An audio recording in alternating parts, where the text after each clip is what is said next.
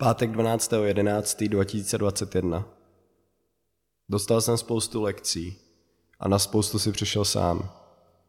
Čistota zření je v tomto stavu vědomí nepředstavitelná, alespoň ne do té doby, dokud člověk nezažije na vlastní kůži. Co jsem viděl, na co přišel a co přišlo samo? Všechna nevyřešená a přehlížená témata se hrnula na povrch. Strach ale neměl žádnou moc – jakoby neexistoval. Mysl byla na mé straně. A já konečně pochopil, že tomu tak bylo vždycky. Jen jsem dříve nedokázal pochopit její způsob komunikace. Neprobíhá totiž napřímo.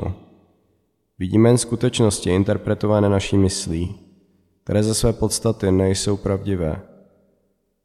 Pravda je ale někde za nimi. Cestu k ní najdeme jedinou otázkou. Proč? Proč ke mně přichází tyto myšlenky? Proč vidím to, co vidím? Proč je pro mě důležité zažít tyto skutečnosti? Čem mě mění a co mě naučí?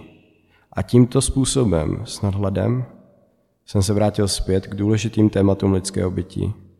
K času a věčné přítomnosti v něm ukryté, k potěšení a rozkoši, které nám tělo dovoluje zakusit, dobré mysli, která chrání já před hrozbami reality – následujících řádcích popíšu zkušenost, kterou jsem od věčnosti hlubin dostal.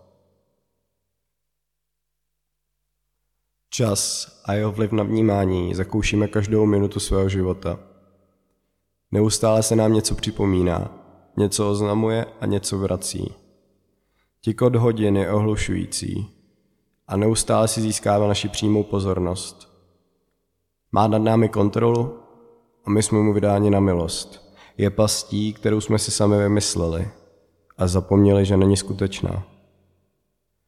Tento postoj jsem kdysi mýval i já a dle mého ho má většina lidské populace. Získal jsem ale něco, co čas dokáže postupně odzbrojit. Staré učení, zahrnující osobní zodpovědnost každého z nás a přímou aktivitu mysli. Čas si s námi hraje, tak proč bychom se k němu nemohli přidat a hrát si i s ním? Každou připomínku, oznámení nemusíme brát jako něco, kvůli čemu se zroutí svět, nebo nějakou nepříjemnou ozvěnu minulosti. Všechny tyto žadače pozornosti můžeme využít k tomu, že se díky nim dostaneme do přítomného okamžiku, bez časého momentu, ve kterém se děje všechen život. A to je přece cílem každého člověka, žít život naplno, vědomně a přítomně. Užívat si činností, které děláme právě teď, mít z nich radost a potěšení, ale i smutek a bolest, protože to všechno je součástí lidské existence. To vše nás formuje a učí. Proměňme tedy všechny ozvěny minulosti nebo předvoje budoucnosti v nástroj, který nás vždy dokáže dostat do přítomného okamžiku.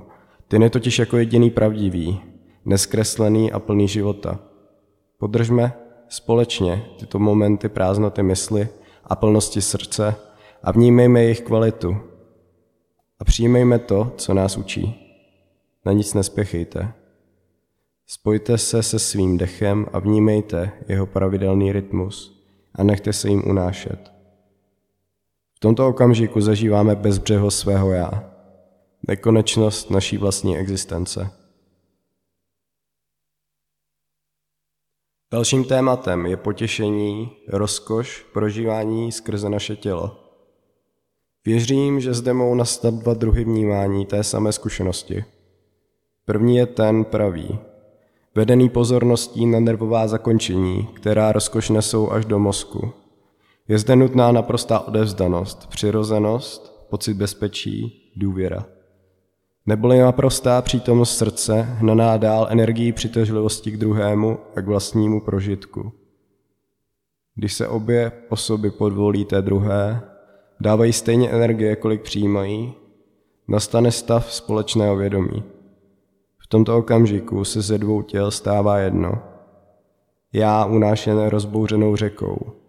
Já předvádějící svůj orgasmický tanec univerzu. Mysl tomto případě nesmí být přítomna. Akorát se plete do cesty. Zkresluje celou zkušenost a otupuje vnímání. Tím přicházím k druhému druhu, a to je prožitek interpretovaný myslí. Proč k němu dochází? Je spousta důvodů. Může to být kvůli nejistotě v sebe sama nebo v druhého, kvůli studu, nepřirozenosti, neschopnosti napojit se na vlastní tělo nebo neschopnosti odpojit se od své vlastní mysli. Je zde spousta dalších důvodů, ale všechny vedou z hlavy. Díky tomu je můžeme lehce odhalit a odzbrojit. Jakmile jednou rozpoznáme, dostaneme je už po každé. Je důležité je i hned pustit a vrátit se k prožitku. Nepodporujte mysl, právě teď není potřebná. Zůstaňte v těle, nechte se unášet. Posledním tématem je mysl. Mysl je v dnešním světě plným technologií náš hlavní nástroj. Používáme ji na řešení problémů v každodenním pracovním životě nebo doma mezi nejbližšími. Skoro to může vypadat, že mysl jsme my. Mysl dává jméno všemu, co vidíme. Také dává jméno tomu, co cítíme. Interpretuje skutečnosti. Je nutné si uvědomit, že každá interpretace a pojmenování je ze své podstaty zkreslená skutečnost, převzatá a znovu vyřčená někým jiným. Mysl je jako superpočítač, který se neustále učí z každé zažité zkušenosti. Následně podle pocitu vyhodnocuje, jestli byl zážitek nepříjemný nebo příjemný. A při dalším se přizpůsobí. Co ale nastane, když je prožitek až moc silný, že ho mysl nedokáže přebrat? Snaží se ho smazat, přepsat jiným, nebo ho pozměnit. Dobrá mysl se snaží chránit své ohrožené já a nevystavovat ho bolesti. Tímto způsobem se ale sama začne za nějakou chvíli hltit a rozbíjet. Pořád si sebou nese vlastnoručně upravené vzorce, které přestávají pasovat na nové zážitky. Vnímání reality je silně zkreslené. Jak vystoupit z tohoto rozitého vlaku? Jak přetvořit vzorce, které už nejsou funkční? První krok bude ten nejtěžší.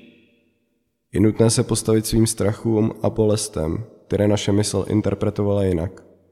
Udělala to pro nás, abychom tak netrpěli. Buďte jí vděční.